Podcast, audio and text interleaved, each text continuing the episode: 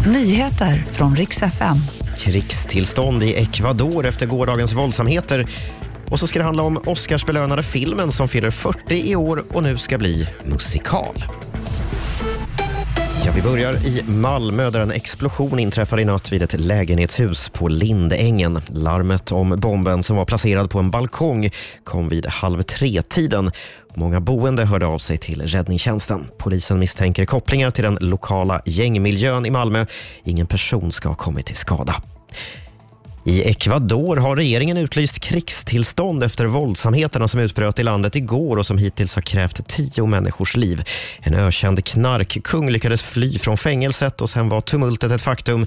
Flera bomber har detonerat, poliser har kidnappats av gängkriminella och igår kväll stormade också väpnade män en tv-studio mitt under direktsändning och tog personalen som gisslan. Presidenten Daniel Noboa har nu gett landets väpnade styrkor i uppgift att, som det heter, neutralisera de här kriminella grupperna. Och sist ska det handla om Purple Rain, den Oscarsbelönade filmen signerad Prince som så här 40 år senare ska bli musikal.